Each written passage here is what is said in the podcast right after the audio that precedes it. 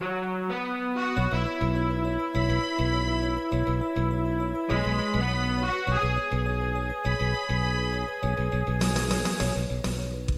listening to Radio Free Asia.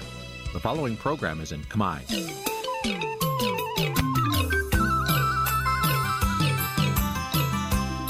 Nǐ chi càm bi tiệp xáy vệt chiu a zì sê ray នេះជាកម្មវិធីផ្សាយរបស់ Vithu Azisari ជាភាសាខ្មែរ វិទ្យុអាស៊ីសេរីសូមស្វាគមន៍លោកអ្នកនាងទាំងអស់ពីរដ្ឋធានី Washington នៃសហរដ្ឋអាមេរិកបាទពីរដ្ឋធានី Washington សហរដ្ឋអាមេរិកខ្ញុំបាទយ៉ងច័ន្ទដារាសូមជម្រាបសួរលោកអ្នកនាងអ្នកស្ដាប់វិទ្យុអាស៊ីសេរីទាំងអស់ជាទីមេត្រីបាទខ្ញុំបាទសូមជូនកម្មវិធីផ្សាយសម្រាប់យប់ថ្ងៃអង្គារមួយកើតខែទុតិយាសាទឆ្នាំថោះបញ្ញស័កពុទ្ធសករាជ2567ដែលត្រូវនឹងថ្ងៃទី18ខែកក្កដាគ្រិស្តសករាជ2023 បាទជាដំបូងនេះសូមអញ្ជើញអស់លោកអ្នកនាងស្ដាប់ព័ត៌មានប្រចាំថ្ងៃដែលមានមេត្តាដូចតទៅ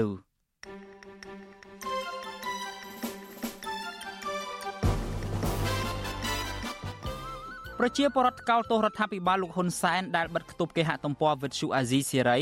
និងប្រព័ន្ធផ្សព្វផ្សាយឯករាជ្យផ្សេងទៀត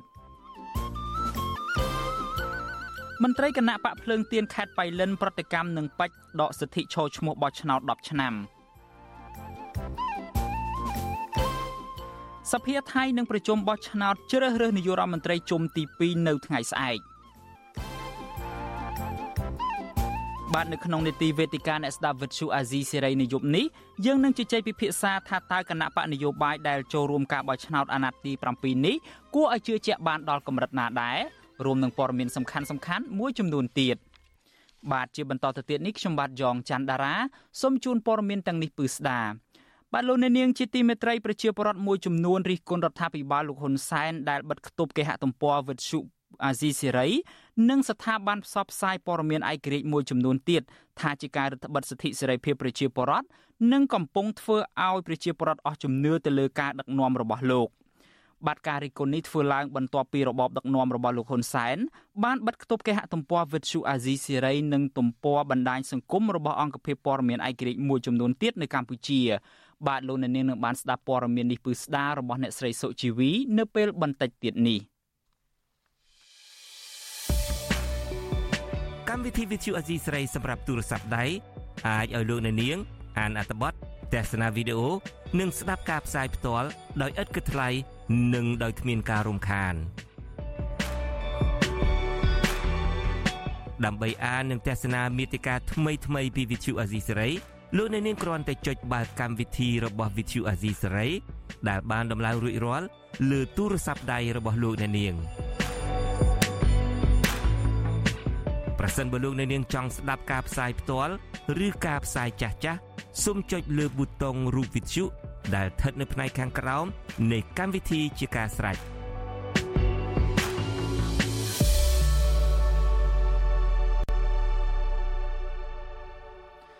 បាទលោកនាងជាទីមេត្រីតកតងទៅនឹងការធ្វើទុកបុកម្នេញផ្នែកនយោបាយនៅមុនការបោះឆ្នោតនេះវិញមន្ត្រីគណៈបកភ្លើងទៀននៅខេត្តបៃលិនថ្កោលគោសថ្កោលទោសគណៈកម្មាធិការរៀបចំការបោះឆ្នោតខេត្តនេះដែលហៅកាត់ថាពេជ្រនោះដែលបានដកហូតសិទ្ធិចូលឈ្មោះបោះឆ្នោតរយៈពេល10ឆ្នាំនិងពិន័យជាប្រាក់ចំនួនពី10លានរៀលទៅ15លានរៀលដោយអយុត្តិធម៌ បាទមន្ត្រីអង្គការសង្គមស៊ីវិលលើកឡើងថាវិធានការរបស់ពេជ្រនេះគឺជាការរដ្ឋបិទសិទ្ធិសេរីភាពរបស់ប្រជាពលរដ្ឋនិងជាការធ្វើឲ្យកម្ពុជាកាន់តែដើរចាកឆ្ងាយពីគន្លងប្រជាធិបតេយ្យបាទនេះជាសេចក្តីរាយការណ៍របស់លោកឌិនសាការីយ៉ាមន្ត្រីគណៈបកប្រឆាំងខេត្តប៉ៃលិនអះអាងថាពួកគេមិនបានប្រព្រឹត្តខុសច្បាប់ដោយការចាប់ប្រកាន់របស់គណៈកម្មាធិការរៀបចំការបោះឆ្នោតខេត្តប៉ៃលិននោះឡើយប្រធានប្រតិបត្តិគណៈបកភ្លើងទៀនខេត្តប៉ៃលិនលោកខឹមមនីកសល ប្រាប់វិទ្យុអាស៊ីសេរីនៅថ្ងៃទី18កក្កដាថាគណៈកម្មាធិការរៀបចំការបោះឆ្នោតខេត្តប៉ៃលិនមិនគួរណាចាត់វិធានការមកលើរូបលោកយ៉ាងតក់ក្រហល់ដែលគ្រាន់តែលោកណែនាំឲ្យបរដ្ឋប្រើសិទ្ធិអំណាចរបស់ខ្លួនក្នុងពេលបោះឆ្នោតនោះទេលោកចាត់ទុកវិធានការរបស់ពេជ្រនេះថាជាការអនុវត្តតាមបញ្ជារបស់អាជ្ញាធរគណៈបកកណ្ដាលអំណាចដើម្បីរារាំងមិនឲ្យពលលោកចូលរួមចូលឈ្មោះឲ្យបរដ្ឋបោះឆ្នោតឲ្យនៅលើក្រោយទៀត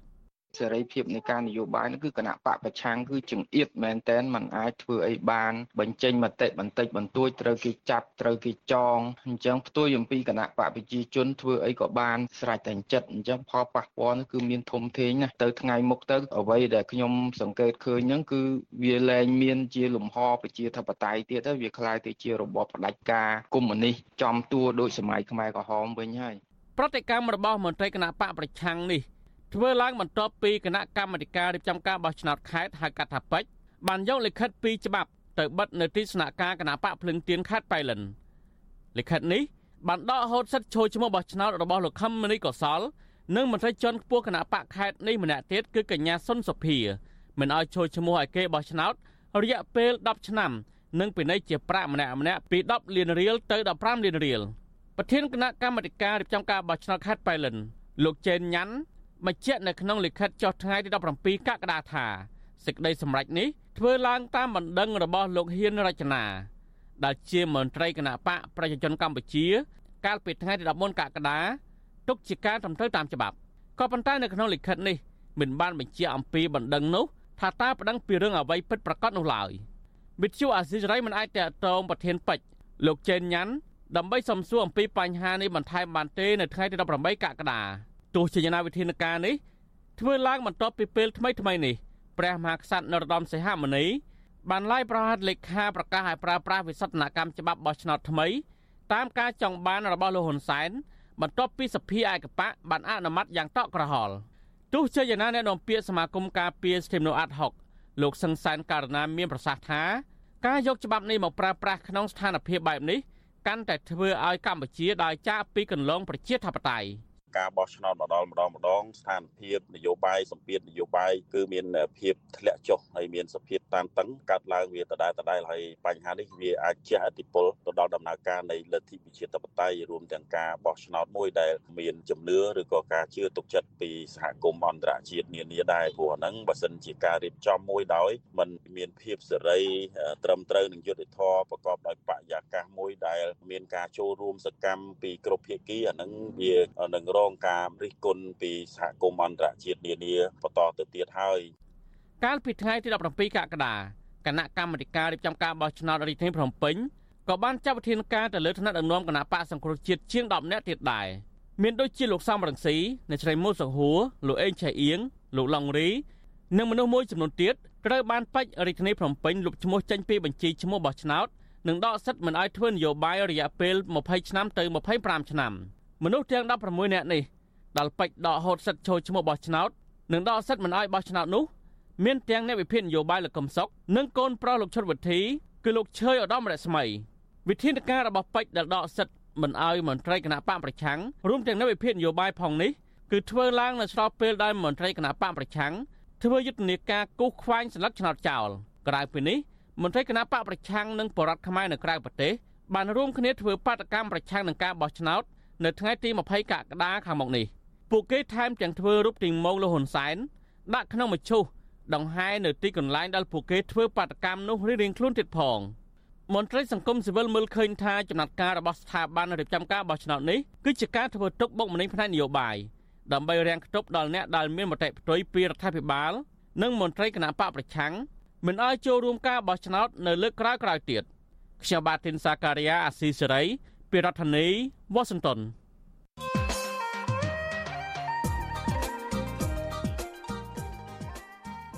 លោកអ្នកនាងជាទីមេត្រី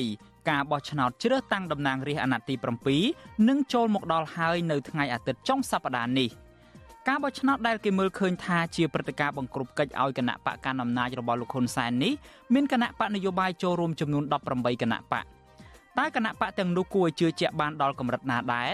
ចុះប្រសិនបើម្ចាស់ឆ្នោតមិនជឿទុកចិត្តវិញតើពួកគាត់មានជំរឿសបែបណាសម្រាប់ការបោះឆ្នោតនៅអាណត្តិនេះបាទនេះជាប្រធានបទនៃវេទិកាអ្នកស្ដាប់វិទ្យុអាស៊ីសេរីនៅយប់នេះបាទប្រសិនបើលោកអ្នកនាងមានសំណួរចង់សាកសួរទៅវាគ្មិនរបស់យើងឬមួយក៏ចង់ចូលរួមបញ្ចេញមតិយោបល់លោកអ្នកនាងអាចដាក់លេខទូរស័ព្ទរបស់លោកអ្នកនាងនៅក្នុងខ្ទង់ comment Facebook និង YouTube ដែលយើងកំពុងតែផ្សាយផ្ទាល់នេះបាទក្រុមការងាររបស់វិទ្យុអាស៊ីសេរីនឹងហៅទៅលោកអ្នកនាងវិញបាទសូមអរគុណ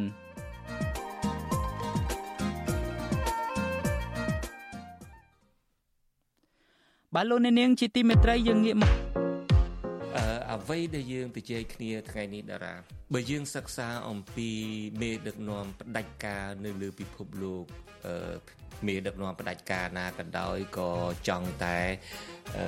ទេតំណែងបាទកាន់តំណែងនឹងខ្លួនឯងហើយ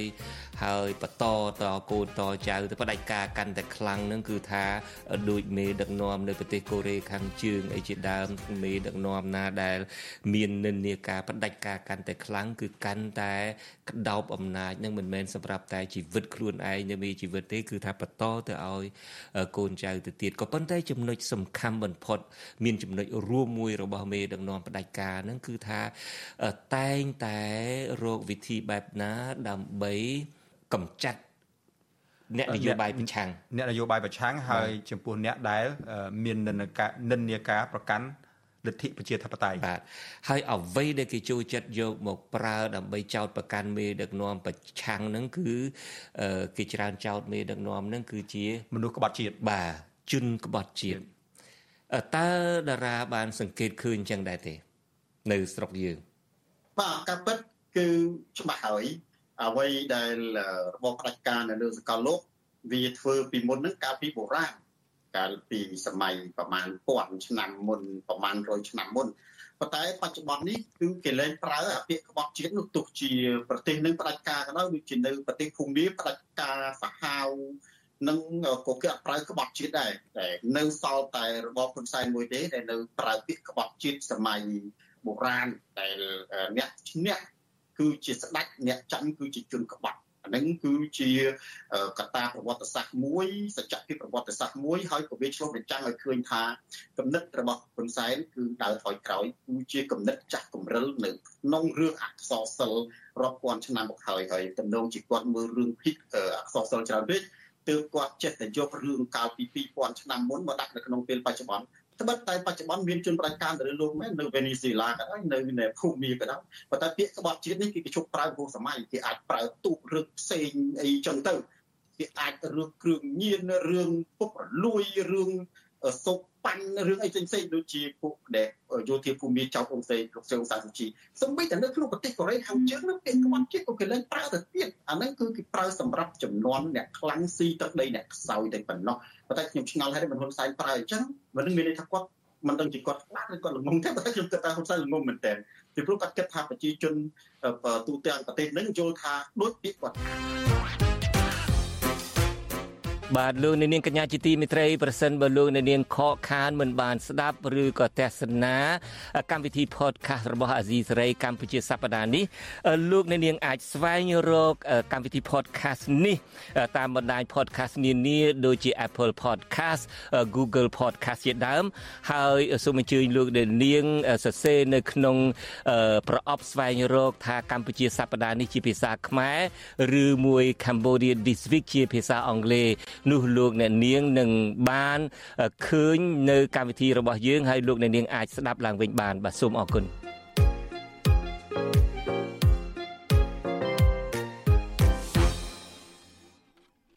បាទលោកអ្នកនាងជាទីមេត្រីដូច្នេះលោកអ្នកនាងនឹងបានទស្សនាដោយផ្ទាល់នៅ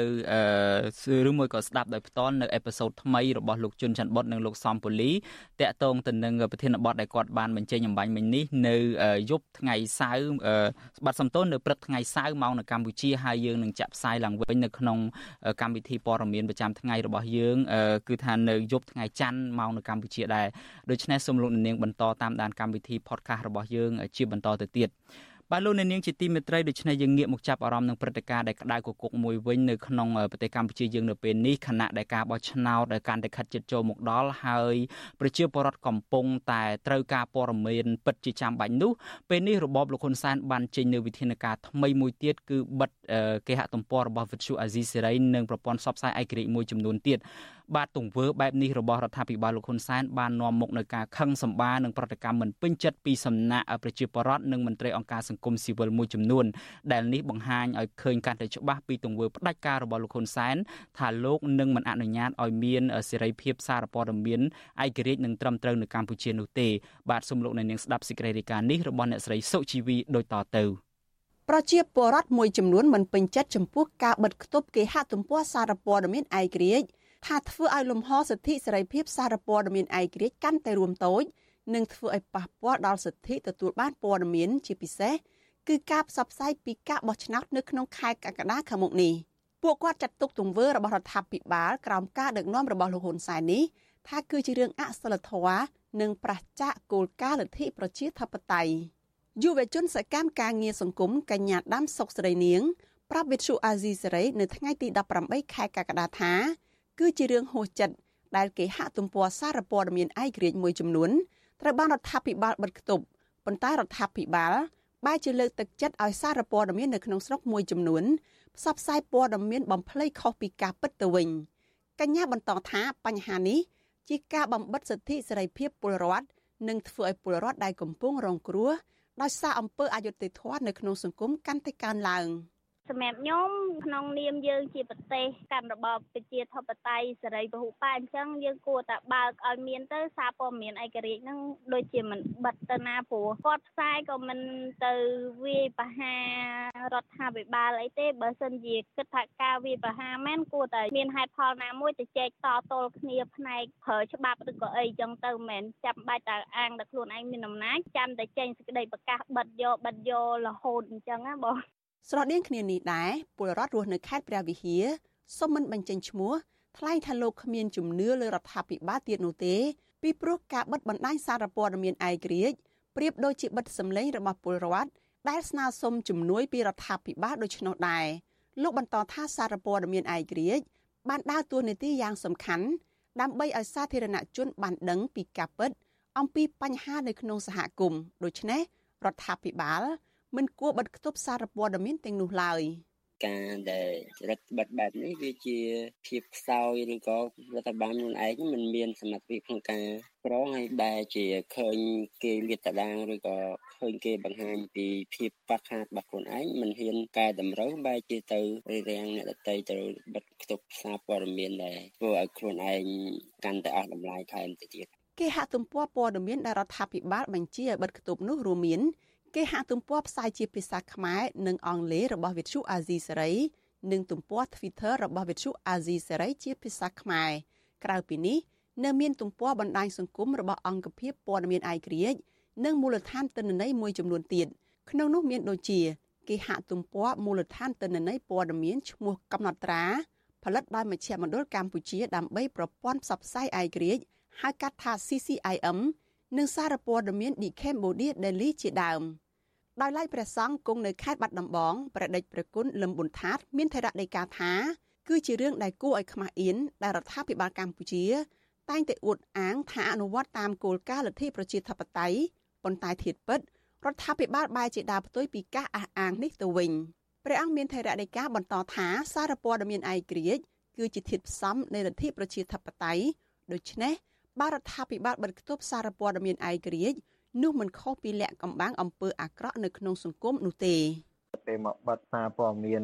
ផ្សេងផ្សេងនៅកម្ពុជានេះទៀតវាកាន់តែមានគំនាបពីខាងបរទេសនឹងច្រើនតែប៉ុន្តែវាមិនប៉ះពាល់ដល់ក្រុមបកគាត់នឹងទេប៉ុន្តែវាអាខានបំផុតនឹងគឺប្រជាពលរដ្ឋនឹងតែម្ដងព្រោះយើងគិតគូរពីសេដ្ឋកិច្ចការធ្វើចំនួនអីផ្សេងផ្សេងយើងត្រូវមានការបន្ថែមតាក់ទងពីបណ្ដាប្រទេសនៅអន្តរជាតិចុះបើសិនជាយើងធ្វើឲ្យមានសន្តិកម្មសេដ្ឋកិច្ចឬក៏សន្តិកម្មផ្នែកណាមួយកាន់តែមានការខានឡើងអញ្ចឹងទៅវាធ្វើឲ្យប៉ះពាល់ដល់បញ្ហាប្រទេសជាតិយើងតែមួយ ប្រដេចប្រគុណលឹមប៊ុនថាតបញ្ជាក់ថាការបោះឆ្នោតជ្រើសតាំងតំណាងរាស្ត្រនៅសប្តាហ៍នេះមានសារៈសំខាន់ណាស់ដែលត្រូវមានសារព័ត៌មានឯករាជ្យផ្សាយពីការពិតនៅក្នុងសង្គម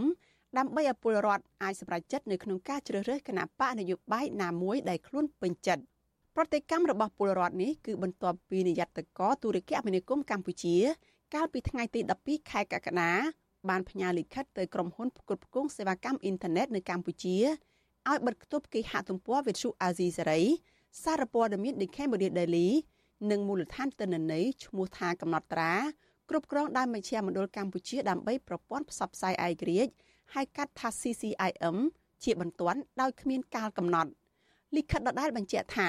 មូលហេតុដែលបិទគប់នេះគឺដោយសារតែអង្គភាពសារព័ត៌មានទាំងនោះផ្សព្វផ្សាយព័ត៌មានធ្វើឲ្យមានការភ័ន្តច្រឡំប៉ះពាល់ដល់កិត្តិយសនិងកិត្យានុភាពរបស់រដ្ឋាភិបាល និងថាអង្គភាពទាំងនោះមិនបានបំពេញលក្ខខណ្ឌនៅក្នុងការធ្វើអាជីវកម្មនៅក្រសួងព័ត៌មាន ការសម្ដែងរបស់នាយកតកទូរគមនាគមន៍កម្ពុជានេះធ្វើឡើងតាមលិខិតបញ្ជារបស់អគ្គនាយកដ្ឋានព័ត៌មាននិងសោតួនៃក្រសួងព័ត៌មានវិទ្យុអាស៊ីសេរីនៅមិនទាន់អាចតាក់ទងแนะនាំពាក្យនាយកតកទូរគមនាគមន៍កម្ពុជាលោកអឹមវុធាអ្នកនាំពាក្យក្រសួងព័ត៌មានលោកមាសសុភ័ណ្ឌ ដើម្បីសុំការអធិប្បាយបញ្ហានេះបាននៅឡើយទេនៅថ្ងៃទី18ខែកក្កដាទោះជាយ៉ាងណាអ្នកនាំពាក្យក្រសួងព័ត៌មានលោកមាសសុភ័ណ្ឌបញ្ជាក់ប្រាប់សារព័ត៌មានកម្ពុជាផ្សាយជាភាសាអង់គ្លេសកាលពីថ្ងៃទី17ខែកក្កដាថាក្រសួងព័ត៌មានពិតជាបានបញ្ជាឲ្យបិទគប់គេហទំព័រទាំងអស់នោះមែននាយកមជ្ឈមណ្ឌលកម្ពុជាដើម្បីប្រព័ន្ធផ្សព្វផ្សាយឯករាជ្យហៅកាត់ថា CCIM លោកអ៊ិតសុធឿន ដែលជាអ្នកគ្រប់គ្រងលើគេហទំព័រមូលដ្ឋានទិន្នន័យព័ត៌មានឈ្មោះកំណត់ត្រា មានប្រសាសន៍ថា ការបិទគប់នេះគឺជាការរំលោភសិទ្ធិស្ដីពីការទទួលបានព័ត៌មានរបស់ពលរដ្ឋដែលជាការខាត់បងរបស់រដ្ឋាភិបាលក្នុងការកែលម្អចំណុចខ្វះខាតរបស់ខ្លួនលោកបន្តថាប្រព័ន្ធផ្សព្វផ្សាយគឺជាកញ្ចក់ឆ្លុះបញ្ចាំងពីបញ្ហាសង្គមសារព័ត៌មានក៏ដើរតួនាទីជាអ្នកឃ្លាំមើលបញ្ហា និងជាអ្នកជំរុញឲ្យមានយុត្តិធម៌នៅក្នុងសង្គមជាពិសេស អំឡុងពេលបោះឆ្នោតនៅពេលខាងមុខដែលពលរដ្ឋគ្រប់រូបត្រូវការព័ត៌មានពិតប្រាកដអ្វីដែលយើងកំពុងតែធ្វើនេះគឺដើម្បីជាប្រយោជន៍សាធារណៈ ហើយក៏ដូចជាចូលរួមផ្សព្វផ្សាយនៅកម្មវិធីអីផ្សេងផ្សេងដែលរដ្ឋាភិបាលក៏បានសម្រេចហើយអញ្ចឹងយើងព្យាយាមដើរតួនាទីបំពេញបន្ថែមទៅលើរដ្ឋាភិបាលយើងដូចជាជួយចូលរួមជ្រោមជ្រែងក្នុងការរាច់បាននៅគោលនយោបាយរបស់រដ្ឋាភិបាលដែលកន្លងមកក៏តែងតែចង់បើកចំហនៅទិន្នន័យឬក៏ព័ត៌មានអីផ្សេងផ្សេងក៏ដូចជាលើកកម្ពស់សិទ្ធិមនុស្សហើយនិងប្រជាធិបតេយ្យនៅក្នុងប្រទេសកម្ពុជាតកតោះរឿងនេះវិទ្យុអាស៊ីសេរីបានចេញសេចក្តីថ្លែងការណ៍ថ្កោលទោសរដ្ឋាភិបាលកម្ពុជាដែលបានបញ្ជាបិទគេហទំព័រអាស៊ីសេរី ដើម្បីកុំឲ្យអ្នកប្រើប្រាស់ចូលមើលបាននៅកម្ពុជានេះបើទោះបីជាមានការប៉ុនប៉ងដល់អកុសលដើម្បីបិទគប់មិនឲ្យពលរដ្ឋកម្ពុជាចូលមើលគេហទំព័រវិទ្យុអាស៊ីសេរីជាភាសាខ្មែរយ៉ាងណាក្តីវិទ្យុអាស៊ីសេរីនឹងប្រឹងជំនះគ្រប់វិធី ដើម្បីផ្ដល់និងផ្សព្វផ្សាយព័ត៌មានដែលមានសារៈសំខាន់ទាំងឡាយទៅដល់លោកអ្នកស្ដាប់និងលោកអ្នកអានព័ត៌មានវិទ្យុអាស៊ីសេរីនៅក្នុងប្រទេសកម្ពុជាឲ្យខាងតែបាន នៅក្នុងអំឡុងពេលដ៏សំខាន់នេះ។ លោកអ្នកនាងនៅតែអាចស្ដាប់វិទ្យុអាស៊ីសេរីបានតាមរយៈកម្មវិធីនៅលើទូរស័ព្ទដៃដូចជា Facebook YouTube Telegram និង RFA App ជាដើមក្រៅពីនេះលោកអ្នកនាងក៏អាច scan QR code របស់វិទ្យុអាស៊ីសេរីដើម្បីតាមដានស្ដាប់និងអានព័ត៌មានរបស់វិទ្យុអាស៊ីសេរីបានដែរកាលពីថ្ងៃទី7ខែកក្កដាអង្គការឃ្លាំមើលសេរីភាពពិភពលោកបានចាត់ចំណាត់ថ្នាក់ឲ្យកម្ពុជា ជាប់ពិន្ទុ29ក្នុងសន្ទុះភាពងាយរងគ្រោះនៃការបោះឆ្នោតដែលជាពិន្ទុទាបមួយបើធៀបទៅនឹងប្រទេសដទៃដែលបានត្រៀមរៀបចំការបោះឆ្នោតនៅក្នុងឆ្នាំ2023និងឆ្នាំ2024ខាងមុខប្រជាពលរដ្ឋទទូចអរដ្ឋាភិបាលថាគួរតែពិចារណាឡើងវិញដើម្បីអនុញ្ញាតឲ្យប្រព័ន្ធផ្សព្វផ្សាយឯករាជ្យនៅកម្ពុជាបើកដំណើរការឡើងវិញនាងខ្ញុំសុជីវីវិទ្យុអាស៊ីសេរីពីរដ្ឋធានី Washington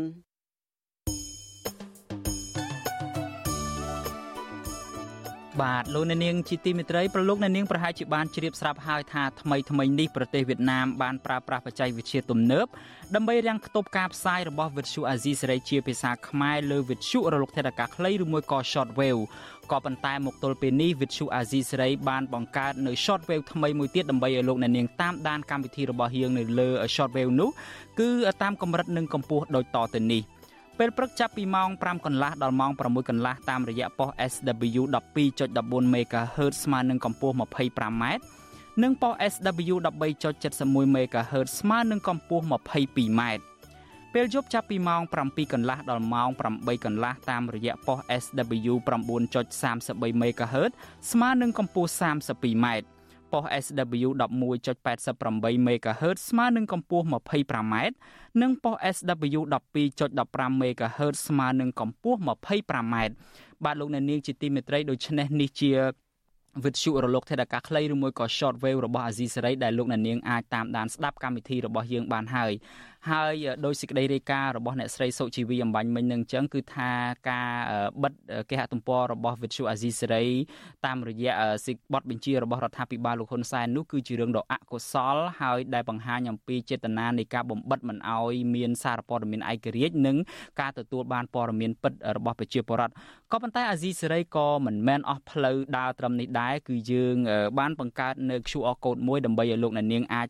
ចូលទៅអានហើយនឹងតាមដានកម្មវិធីរបស់យើងបានដដែលលោកអ្នកនាងបានឃើញហើយនៅលើអេក្រង់ទូរស័ព្ទឬមួយក៏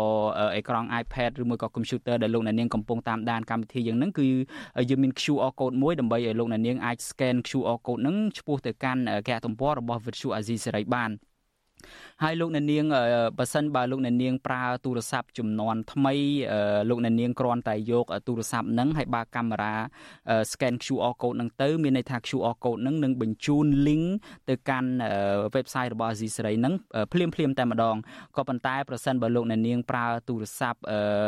Android ឬមួយក៏ iPhone ចំនួនមុនលោកអ្នកនាងប្រហែលជាមិនអាច scan បាននៅលើកាមេរ៉ាហ្នឹងបានទេតើតែលោកអ្នកនាងចូលទៅ download យកកម្មវិធីមួយហៅថា QR code reader ហើយដូច្នេះលោកអ្នកនាងដែលប្រើប្រព័ន្ធ iPhone ចំនួនមុនគឺអាចចូលទៅ App Store ទៅហើយ search ពាក្យថា QR code reader ហ្នឹងទៅហើយនៅក្នុង Google Phone ក៏ដូចគ្នាទូរស័ព្ទ Siri Google ជំនាន់មុនគឺចូលទៅក្នុង Play Store ទៅដើម្បី download កម្មវិធី scan QR code ហ្នឹងដើម្បីលោកអ្នកនាងអាច scan QR code របស់ Virtual Azizi Serai នេះឆ្ពោះទៅកាន់គេហទំព័ររបស់យើងបានដូច្នេះយើងមិនមែនបិទអស់ផ្លូវត្រឹមហ្នឹងទេគឺយើងនៅតែមានជំរឿហើយទៅពេលហ្នឹងដោយដែលលោកអ្នកនាងជ្រាបស្រាប់ហើយថា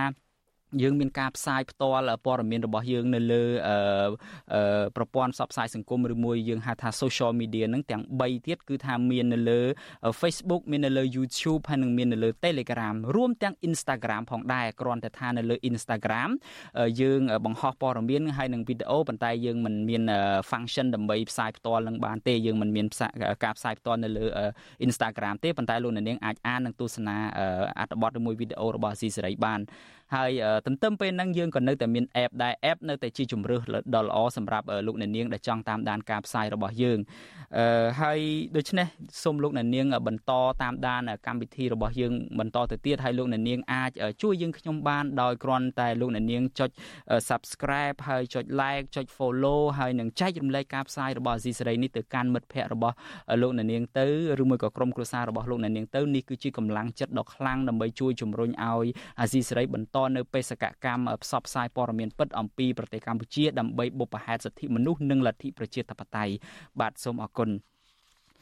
បាទលោកអ្នកនាងជាទីមេត្រីដោយដែលលោកអ្នកនាងជ្រាបស្រាប់ហើយថាស្ថានភាពមានការវិវត្តលឿនមែនទែនទាំងនៅក្នុងប្រទេសកម្ពុជាទាំងនៅក្នុងប្រទេសថៃឥឡូវនេះនៅក្នុងប្រទេសថៃវិញគឺថាប្រធានគណៈបកកៅខ្លៃឬមួយក៏គណៈបកឈ្មោះទៅមុខរបស់លោកភិថាលឹមចរិនរ័ត្ននឹងបេក្ខជននាយករដ្ឋមន្ត្រីថៃដែលឈ្នះការបោះឆ្នោតជ្រើសតាំងតំណាងរាស្ត្រភ្លុកទឹកភ្លុកដីកាលពីខែឧសភាកន្លងទៅ តែបែរជាមកជាប់គាំងនៅសភាវិញមិនដឹងថាលោកអាចក្លាយជានាយករដ្ឋមន្ត្រីតាមបំណងប្រាថ្នារបស់ប្រជាជនថៃភាគច្រើននោះលោកថាលោកនឹងសុកចិត្តដកខ្លួនពីបេក្ខជននាយករដ្ឋមន្ត្រីហើយប្រគល់បេក្ខបេក្ខភាពនេះទៅឲ្យគណៈបកភឿថៃប្រសិនបើលោកចាញ់នៅក្នុងសមរភូមិសភាចំនួន2លើកទៀត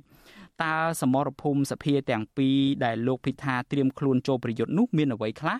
បាទលោកអ្នកនាងនឹងបានស្ដាប់សេចក្តីរាយការណ៍នេះពឺស្ដាររបស់លោកជីវិតានៅក្នុងកម្មវិធីផ្សាយរបស់យើងនៅព្រឹកស្អែក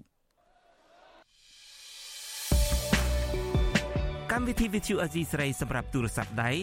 អាចឲ្យលោកអ្នកនាង អានអត្ថបទទស្សនាវីដេអូនិងស្ដាប់ការផ្សាយផ្ទាល់ដោយឥតគិតថ្លៃនិងដោយគ្មានការរំខានដើម្បីអាននិងទស្សនាមេតិការថ្មីៗពី Vithu Azizi ស្រី លោកអ្នកនាងគ្រាន់តែចុចបាល់កម្មវិធីរបស់ Vithu Azizi Serai ដែលបានដំឡើងរួចរាល់លើទូរស័ព្ទដៃរបស់លោកអ្នកនាងប្រសិនបើលោកអ្នកនាងចង់ស្ដាប់ការផ្សាយផ្ទាល់ឬការផ្សាយចាស់ចាស់សូមចុចលើប៊ូតុងរូប Vithu ដែលស្ថិតនៅផ្នែកខាងក្រោមនៃកម្មវិធីជាការស្រេច។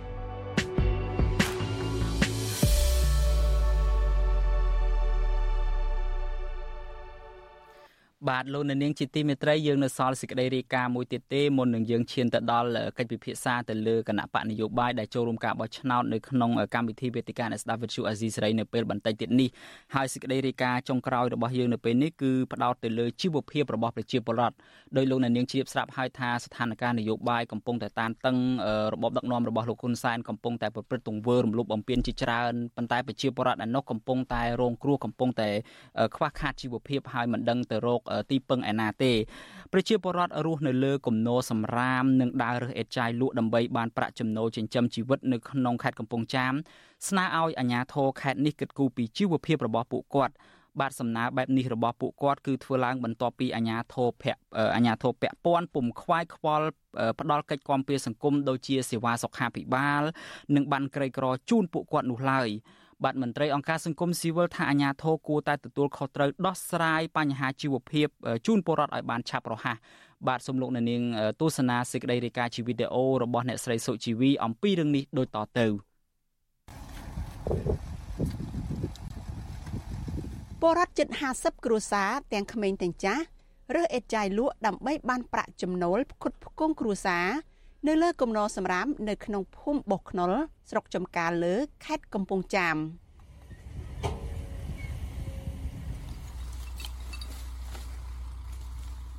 ពលរដ្ឋរស់នៅភូមិធីលោកជួនគាប្រកបរបររើសអេតចាយនៅលើគំនរសម្រាមនេះជាង2ឆ្នាំហើយលោកថាមុខរបរនេះអាចឲ្យលោករកប្រាក់ចំណូលបានបន្តិចបន្តួចសម្រាប់ចាយប្រចាំថ្ងៃតែប៉ុណ្ណោះពេលខ្លះលោករកបានព្រឹកតែខ្វះល្ងាច បរិះវ័យ54ឆ្នាំរូបនេះបន្តថាពេលនេះប្រពន្ធរបស់លោកកំពុងដេកឈឺនៅផ្ទះ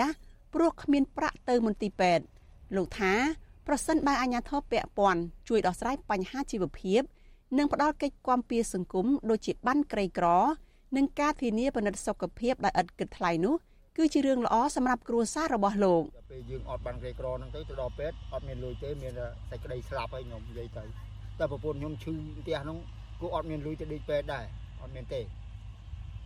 នៅខ្វាយខ្វាយនៅផ្ទះហ្នឹងអត់មានអីទេអត់មានអីបានអីទៅពេទ្យធួតពិនិត្យធួតអីទេសង្ហាជាភាពខ្ញុំសពថ្ងៃនេះបើនិយាយចំវាចូលវិធានីហ្មងហ្នឹងហ្នឹងពេលខ្លះនិយាយទៅមកដំបងពិបាកអីមិនខុសគ្នានេះដែរពលរដ្ឋអ្នករើសអេតចាយម្នាក់ទៀតលោកស្រីគៀសុជាថាពេលខ្លះ លោកស្រីហាក់តូចចិត្តនឹងមុខរបររបស់ខ្លួន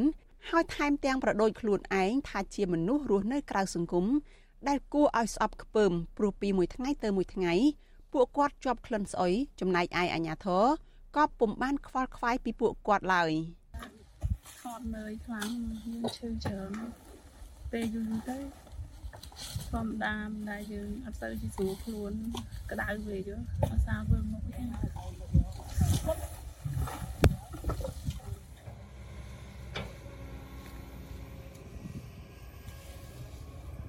ពលរដ្ឋរើសអេតចាយម្នាក់ទៀតលោកស្រីប៉ែនឃ្លីវលើកឡើងថាសុខភាពរបស់លោកស្រីមិនសូវល្អទេព្រោះនៅជុំវិញខ្លួនរបស់គាត់ពោពេញដោយក្លិនស្អុយនិងមេរោគស្របពេលលោកស្រីក៏មានវ័យកាន់តែចាស់លោកស្រីស្នើឲ្យអាជ្ញាធរធ្វើបានក្រីក្រ និងផ្ដល់ជំនួយចាំបាច់ដល់ពួកគាត់ព្រោះជីវភាពកាន់តែក្រីក្រមិនដឹងពឹងនរណាឲ្យជួយនោះទេចង់បានអីសាក់ឲ្យថាបានឈ្មោះតែក្រីគាត់ខ្ញុំទៅពេទ្យទៅអីជំងឺឈឺឆ្កាត់អី គូគៀនធ្វើឲ្យមិន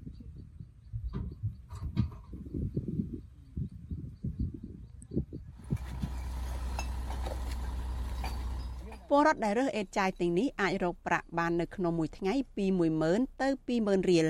ពួកគាត់ត្រូវធ្វើការនៅលើគំនរសម្រាមនេះតាំងពីម៉ោង6ព្រឹករហូតដល់ម៉ោង6ល្ងាច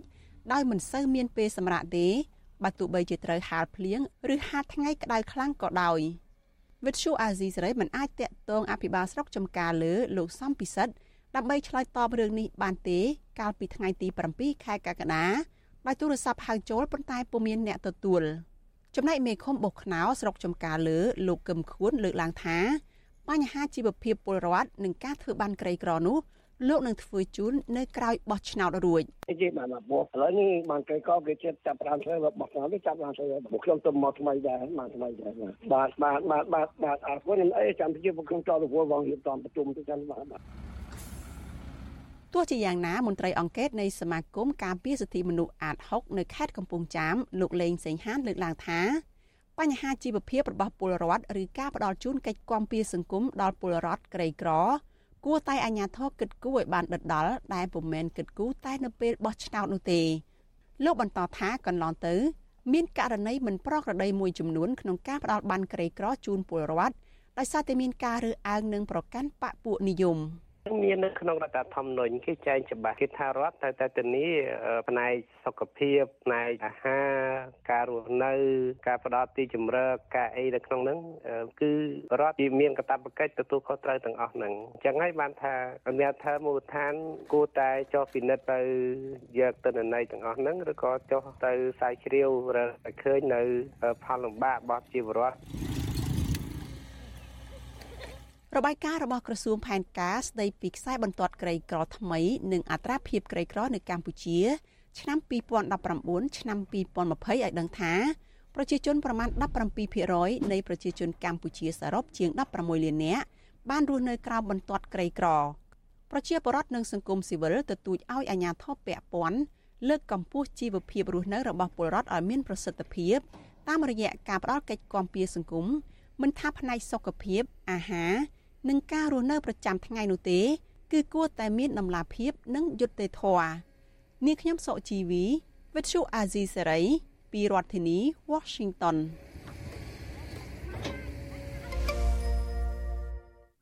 បាទលោកអ្នកនាងជាទីមេត្រីលោកអ្នកនាងទើបតែបានទស្សនានិងស្ដាប់ព័ត៌មានប្រចាំថ្ងៃដែលជម្រាបជូននៅខ្ញុំបាទយ៉ងច័ន្ទដារាជាបន្តទៅទៀតនេះសូមលោកអ្នកនាងរងចាំស្ដាប់និងទស្សនាវេទិកាអ្នកស្ដាប់វិទ្យុអាស៊ីសេរី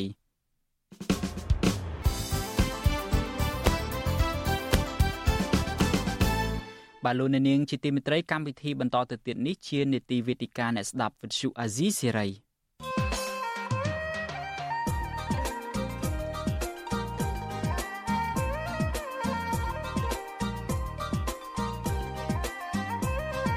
វេទិកាអ្នកស្ដាប់វិទ្យុអាស៊ីសេរី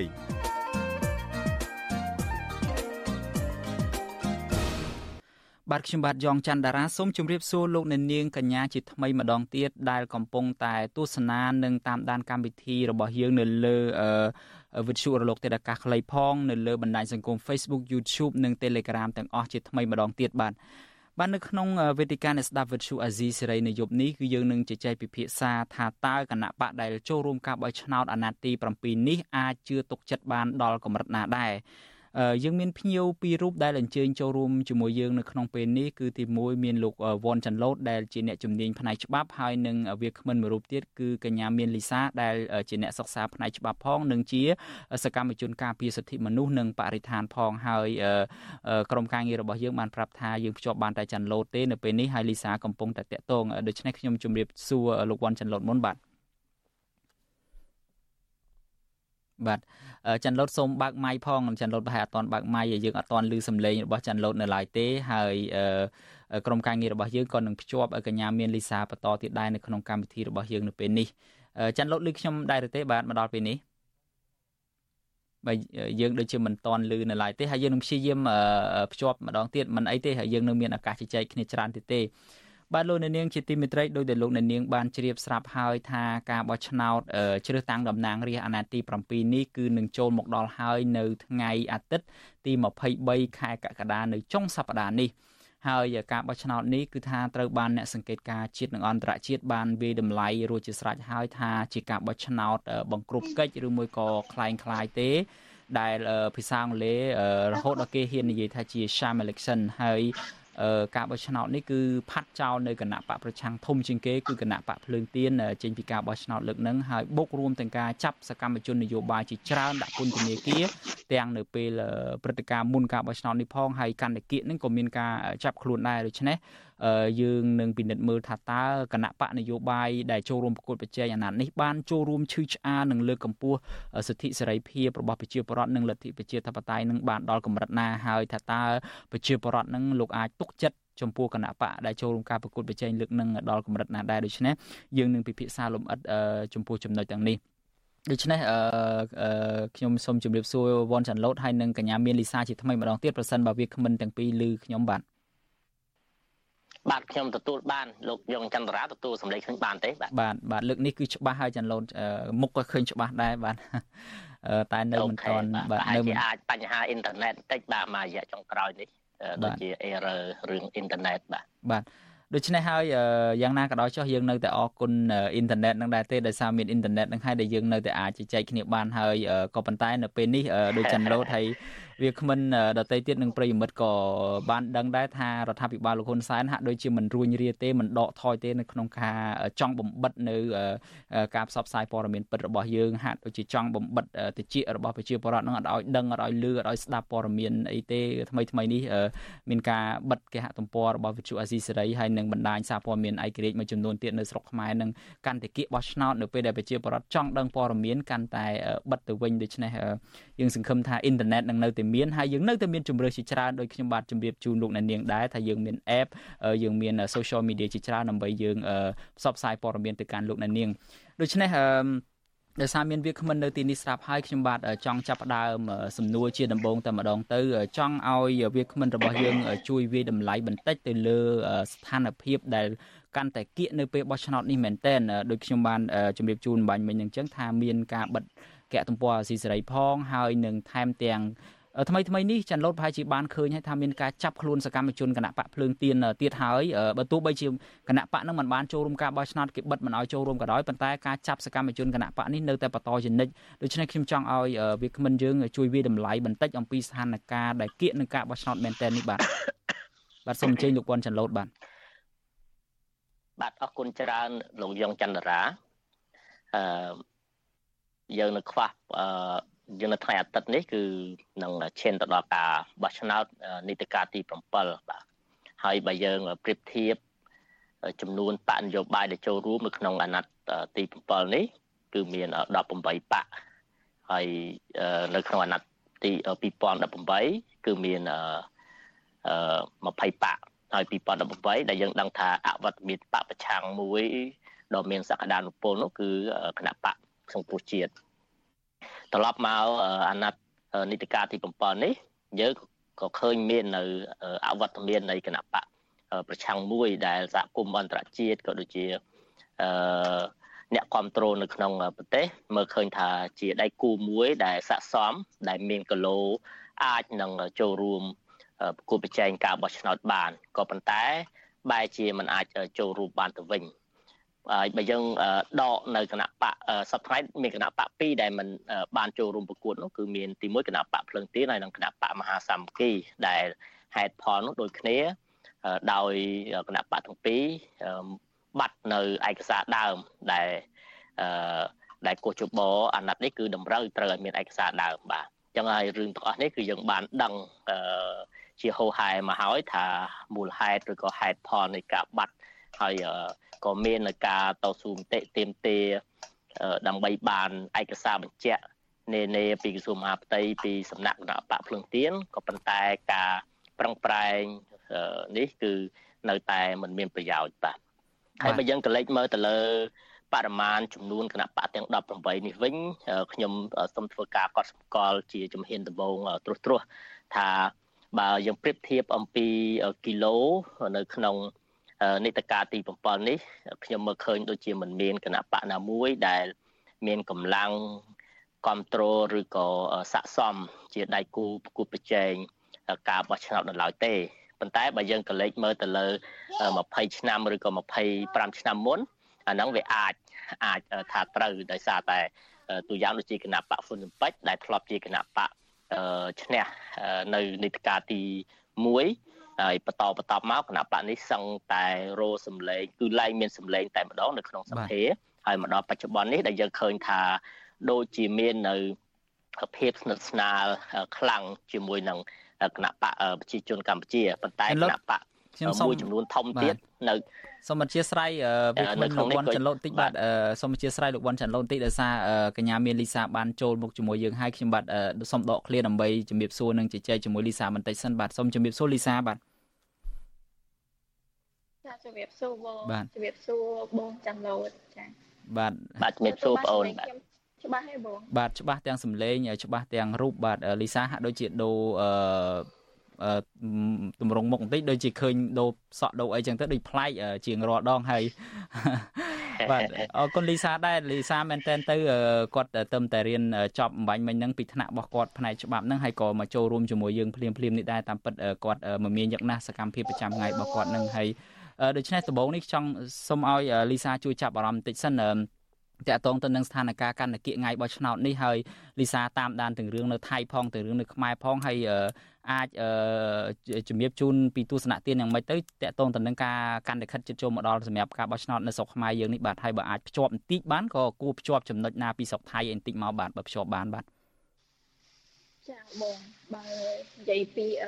ទស្សនៈមុនបោះឆ្នោតបោះឆ្នោតថ្ងៃ23កក្កដាខាងមុខហ្នឹងគឺខ្ញុំផ្ទាល់ក៏មិនបានជាទៅចូលរួមបោះឆ្នោតដែរហើយក៏យើងមានឈ្មោះក្នុងការទៅសង្កេតការតែយើងបានបដិញ្ញាចិត្តដែរថាយើងនឹងមិនទៅសង្កេតការទេព្រោះអឺយើងបានឃើញពីវាហាក់បីដូចជាអឺការបោះឆ្នោតថ្ងៃខាងមុខហ្នឹងវាហាក់បីដូចជាអឺមនុស្សពីរនាក់មានន័យថាមនុស្សម្នាក់ ដែលលួចស្រឡាញ់គេហើយគេអត់ស្រឡាញ់យើងវិញសោះចង់និយាយថាវាបានបង្ហាញថាទោះបីជាគណៈបកច្រើនប៉ុណ្ណាក៏ដោយក៏ប៉ុន្តែប្រជាពលរដ្ឋបានផ្ដល់សេចក្តីស្រឡាញ់បានផ្ដល់អាទំហំនៃការគ្រប់គ្រងហើយនឹងផ្ដល់នឹងតម្លៃនៃលទ្ធិប្រជាធិបតេយ្យថាមិនឃើញមានការចូលរួមពីគណៈបកប្រឆាំងនោះទេឬក៏គណៈបកដែលទទួលបានការគ្រប់គ្រងច្រើនពីប្រជាពលរដ្ឋអញ្ចឹងវាហាក់បីដូចជាអឺយើងខិតខំបង្ហាញថាវាជាពហុបកប៉ុណ្ណាក៏ដោយ ក៏ប្រជាពលរដ្ឋគាត់អត់ផ្ដល់នៅអាតម្លៃនឹងដែរអញ្ចឹងណាបងហើយបើយើងផ្សារភ្ជាប់ភាពខុសគ្នារវាងនៅកម្ពុជានិងខ្មែរគឺអឺការបោះឆ្នោតនៅប្រទេសអកម្ពុជានិងថៃសំទោសបងបាទការបោះឆ្នោតនៅប្រទេសថៃគឺប្រជាពលរដ្ឋមានការចូលរួមយ៉ាងសកម្មជាមួយនឹងដំណើរការតាំងពីមុនបោះឆ្នោតហើយកំឡុងពេលបោះឆ្នោតនិងឥឡូវគឺរងចាំការបោះឆ្នោតតាក់ទងជាមួយនឹងការផ្ដល់ការបោះឆ្នោតពីព្រឹទ្ធសភា អញ្ចឹងយើងមើលឃើញថាវាជាការចូលរួមភ្លុកទឹកភ្លុកដីខ្លាំងមែនទែននៅប្រទេសថៃយើងឃើញថាទោះបីជាប្រទេសគេ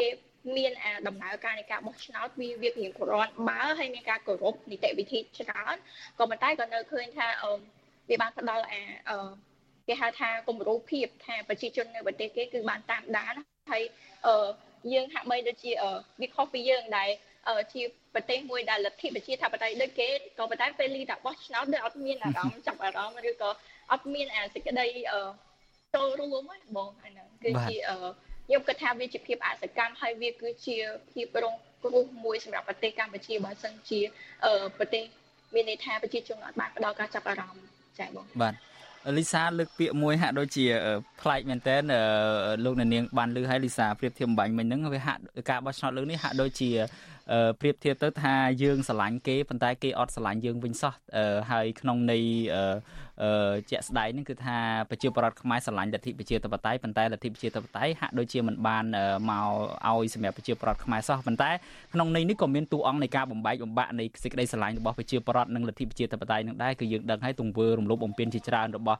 គណៈបព្វជិជនរបស់លោកហ៊ុនសែននឹងឯងដែលជាដើមហេតុនៃការបំបែកបំបាក់សេចក្តីស្រឡាញ់របស់ប្រជាប្រដ្ឋហើយនិងលទ្ធិប្រជាធិបតេយ្យនឹងអត់អាចឲ្យរួមគ្នាបាននឹងដូច្នេះការជជែកត្រង់ចំណុចនេះក៏មានការប្រៀបធៀបមួយដ៏ល្អដែរ អឺបាទតកតងទៅនឹងគណៈបកនយោបាយវិញឥឡូវនេះខ្ញុំចង់ត្រឡប់ទៅលោកវ៉ាន់ចាន់ឡូតវិញចាន់ឡូតបានមានប្រសាសន៍កត់សម្គាល់អំបញ្ញមិញថាមានគណៈបកខ្លះបានបង្កើតយូរហើយជាគណៈបកចាស់ភាសាជាពិសេសលើករណីគណៈបកហ្វុនស៊ិនពេជ្រតែម្ដងដែលមកទល់ពេលនេះសឹងតែបាត់ការគ្រប់គ្រងពីប្រជាពលរដ្ឋតើមានការចាប់អារម្មណ៍យ៉ាងម៉េចទៀតចំពោះគណៈបកបន្ថែមផ្សេងទៀតដែលគណៈបកខ្លះហាក់ដូចជាមិនសូវមានសកម្មភាពអីហ្នឹងថាតើចាន់ឡូតអាចរៀបរាប់ដោយត្រួសត្រាសតិចមកបាទតើតើយ៉ាងម៉េចដែរចំពោះចំណុចនេះបាទ បាទអរគុណម្ដងទៀតខ្ញុំសូមបន្តទៅនឹងការអឺកត់សម្គាល់របស់ខ្ញុំអញ្ចឹងយើងឃើញថាគណៈបកទាំង18អឺទី1ភិកគណៈបកទាំងនោះសុទ្ធសឹងតែជាគណៈបកដែលមានភាពស្និទ្ធស្នាលជាមួយនឹងគណៈបកប្រជាជនកម្ពុជាឬយើងអាចនិយាយបានថាជាគណៈបកដៃគូសហការគ្នា ហើយគណៈបកទាំងអស់នោះមួយចំនួនធំគឺមិនបារម្ភទេទោះបីជាមានការគ្រប់គ្រងមិនគ្រប់គ្រងបានអាសនៈមិនបានអាសនៈយ៉ាងម៉េចក៏ដោយអ្វីដែលពួកគេមានក្តីសង្ឃឹមនោះគឺពួកគេអាចនឹងចូលរួមនៅក្នុងក្របខ័ណ្ឌនៃកិច្ចសហប្រតិបត្តិការណាមួយទូយ៉ាងដូចជាអាណត្តិ2023អាណត្តិទី6នេះយើងឃើញថាមានការបង្កើតនៅក្រមប្រឹក្សាពិគ្រោះយោបល់ដែលអាចផ្ដល់ឱកាសឲ្យគណៈបកទាំងអស់នោះមិន ពិបាកចិត្តពិបាកថ្លើមឬក៏ព្រួយបារម្ភអំពីលទ្ធភាពហើយក្នុងនោះក៏យើងឃើញមានគណៈបកមួយចំនួនទៀតគឺនៅពេលដែលមានគៀកបោះឆ្នោតទៅពួកគាត់ទៅយើងឃើញពួកគាត់លេចចេញជារូបរាងទៅឃើញពួកគាត់មានការឃោសនាក៏ប៉ុន្តែការឃោសនាដូចជាមិនមានអ្វីដែលគួរឲ្យចាប់អារម្មណ៍ទេហើយចំណុចនេះទំនងជាពួកគាត់ មិនមាននៅលទ្ធភាពឬក៏ការគ្រប់គ្រងនោះដែលអាចធ្វើឲ្យការឃោសនារបស់ខ្លួនទទួលបាននៅចំណាប់អារម្មណ៍ហើយក៏ក្នុងនោះផងដែរគឺយើងឃើញមានគណៈបកមួយដែលខ្ញុំកត់សម្គាល់គឺគណៈបក GDP ដែលបោះឆ្នោតឃុំសង្កាត់នេះគណៈបកនេះក៏ទទួលបាននៅអាសនៈមួយចំនួនតូចនៅក្នុងខេត្ត មួយចំនួនបាទដែលយើងឃើញថាហាក់ដូចជាមាននៅភាពស្វាហាប់ក៏ប៉ុន្តែក៏មិនតន់មានគីឡូគ្រប់គ្រាន់ឬយើងនិយាយមកបាច់ថានៅគីឡូស្រាលឬក៏ទៅតែមានការវឹកហាត់ថ្មីថ្មោងហើយជាពិសេសតែយើងឃើញកីឡាករល្អល្អមួយចំនួននៅក្នុងគណៈបកនេះបានសម្រាប់ចោះចូលជីវភាពនយោបាយជាមួយនឹងគណៈបកប្រជាជនកម្ពុជាដែលធ្វើឲ្យ អត្តពលក៏ដូចជាសមត្ថភាពឬក៏លទ្ធភាពនៃគណៈបកមួយនេះមានការថមថយច្រើនផងដែរហើយប៉ុន្តែបើយើងមើលជារួមនៅក្នុងអាណត្តិនេះ គឺมันមានទេនៅវត្តមានគណៈបកប្រឆាំងដែលយើងហៅថាជាការប្រគួតប្រជែងការបោះឆ្នោតហ្នឹងក៏ដូចជាទំនួងមិនសូវត្រូវដែរពីព្រោះបើយើងនិយាយអំពីការប្រគួតប្រជែងវាលុះត្រាតែមានដៃគូ2 ដែលដៃគូហ្នឹងគឺមានសមត្ថភាពប្រហាក់ប្រហែលគ្នាដៃគូហ្នឹងមានលទ្ធភាពប្រហាក់ប្រហែលគ្នាហើយគីឡូហ្នឹងក៏ប្រហាក់ប្រហែលគ្នាដែលធ្វើឲ្យមហាជនគាត់មើលឃើញថាវាស័កសមជាដៃគូដែលអាចឡើងសៃវៀនប្រកួតប្រជែងបានហ្នឹងបាទបាទ អរគុណលោកវ៉ាន់ចាន់ឡូតអ្វីដែលលោកវ៉ាន់ចាន់ឡូតបានរៀបរាប់បំបញ្ញមីនេះក៏ដូចគ្នាទៅនឹងអ្វីដែលខាងខ្ញុំដែលជាអ្នកសារព័ត៌មាននេះបានស្រាវជ្រាវហើយនឹងបានកត់សម្គាល់ដែរហើយចាន់ឡូតបានរៀបរាប់អំពីគណៈបកភិកច្រើនដែលអត់បានធ្វើសកម្មភាពអីទេពីមុនមកឬមួយក៏ធ្វើសកម្មភាពតិចតួចប៉ុណ្ណោះនៅមុនការបោះឆ្នោតទៅតែលេចចេញមកនៅពេលបោះឆ្នោតហើយនៅក្នុងចំណោមគណៈបកភិកច្រើននឹងមានតែគណៈបកមួយទេដែលតាំងពីដើមមកគាត់តែងតែឈឺឆ្អាលគាត់តែងតែចេញមុខនៅក្នុងការអឺស្នើឲ្យមានការគោរពសិទ្ធិមនុស្សឡើងវិញនឹងប្រជាធិបតេយ្យនឹងគឺយើងឃើញមានតែគណៈបក GDP ឬមួយក៏គណៈបកប្រជាធិបតេយ្យមូលដ្ឋានរបស់លោកយេងវិរៈទេក៏ប៉ុន្តែនៅចិត្តការបោះឆ្នោតនេះនរណាក៏ដឹងដែរថាគណៈបក GDP កំពុងតែរងនៅព្យុះបក់បោកផ្ទៃក្នុងគណៈបកខ្លាំងមែនទែនដោយសារតែសមាជិកភាពដឹកនាំជាន់ខ្ពស់ក្នុងបកនឹងនាំគ្នាទៅរត់ចូលជាមួយនឹងគណៈបកប្រជាជនកម្ពុជារបស់លោកហ៊ុនសែនដើម្បីបានលៀបសក្ការៈបុណ្យស័ក្តិឲ្យម្នាក់ម្នាក់អំបាយឥឡូវនេះគឺថាឡើងតំណែងសិតតែជារដ្ឋលេខាធិការឬមួយអនុរដ្ឋលេខាធិការអស់ហើយនៅឡើយតែលោកយេងវិរៈដែលជាប្រធានគណៈបកនឹង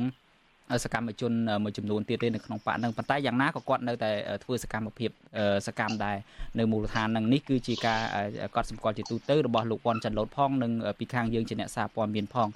ខ្ញុំចង់សួរសំណួរស្តៀងគ្នានឹងទៅកាន់កញ្ញាមានលីសាដែរ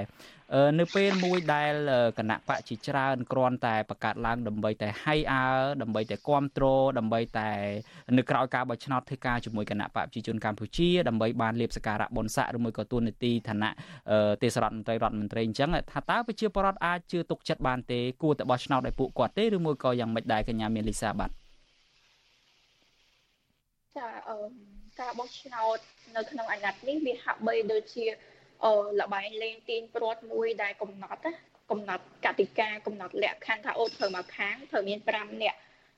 មកខាងត្រូវមាន5នាក់អូខេប៉ុន្តែពេលចូលលេងមែនទែនបែរជាមកខាងនេះសិតតែជាបរិសុទ្ធសុទ្ធ5នាក់មកខាងទៀតជាស្ត្រីសុទ្ធហើយខាងបរិសុទ្ធនេះឈ្នះហើយស្រីខ្លួនឯងអួតអាំងខ្លួនឯងថាខ្លួនឯងធ្វើដោយបាទសមត្ថភាពខ្លួនឯងធ្វើដោយគោរពទៅលើលក្ខខណ្ឌអាហ្នឹងឲ្យស្រួល វាហាក់បីដូចជាមិនមានការនៅក្នុងកំឡុងពេលនឹងមុនបោះឆ្នោតនឹងមកដល់យើងមើលឃើញថាអឺគណៈបកច្រើនក៏ប៉ុន្តែខ្ញុំមិនទាន់ឃើញជាការជជែកវេជ្ជញែកណាមួយដែលធ្វើឲ្យមានការចាប់អារម្មណ៍ពីប្រជាពលរដ្ឋទេហើយក៏បង្ហាញផងដែរថាគណៈបកកណ្ដាលអំណាចក៏មិនបានជ្រៀតចូលខ្លួនក្នុងការផ្ដល់មានន័យគណៈបកទាំងអស់មិនបានផ្ដល់នៅអភ័យអភ័យទានអឺ មានន័យថាអភ័យឯកសិទ្ធិអភ័យផ្នែកនយោបាយលំអន់ភាពឲ្យគ្នាទៅវិញទៅមកក្នុងការជជែកវិញ្ញាគ្នាទេមួយថ្ងៃមួយថ្ងៃបើខ្ញុំចង់ស្ដាប់អីដែលលោកនាយករដ្ឋមន្ត្រីហ៊ុនសែនលើកឡើងគឺអឺយើងត្រូវបើកស្ដាប់ហើយយើងត្រូវធ្វើការអត់ធ្មត់មែនតែនព្រោះដោយសារតែអឺ ដោយសារតែគាត់ជាមេដឹកនាំរបស់យើងបើយើងអត់ស្ដាប់អត់ដឹងពីបច្ចុប្បន្នភាពរបស់គាត់ទេប៉ុន្តែអ្វីដែលយើងស្ដាប់គឺទទួលបានតែអាការគំរាមកំហែងការដែលត្រូវជេរគ្នាដូចជាពាក្យថា derechant អីលើលើពេញបណ្ដាញ Facebook អឺបន្ទាប់ពី Facebook ត្រូវបានគេបិទហើយទៅដល់ Twitter ហើយនៅជេរគេនៅដល់ទីនោះទៀតខ្ញុំខ្ញុំអឡូលីសាបាទឃើញថាវាអត់មានលំអោនភាពខាងនយោបាយអញ្ចឹងចាបងចាបាទ លីសាបាញ់មិញនេះយើងមានបញ្ហាបាទ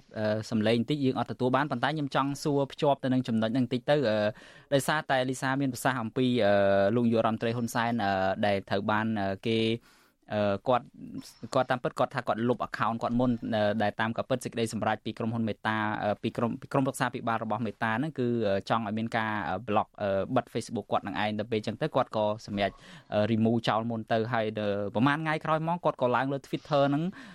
សិទ្ធិដេរិឆានសិទ្ធិអីហ្នឹងហើយលីសាជាអ្នកចេះភាសាថៃស្រាប់ហើយឃើញ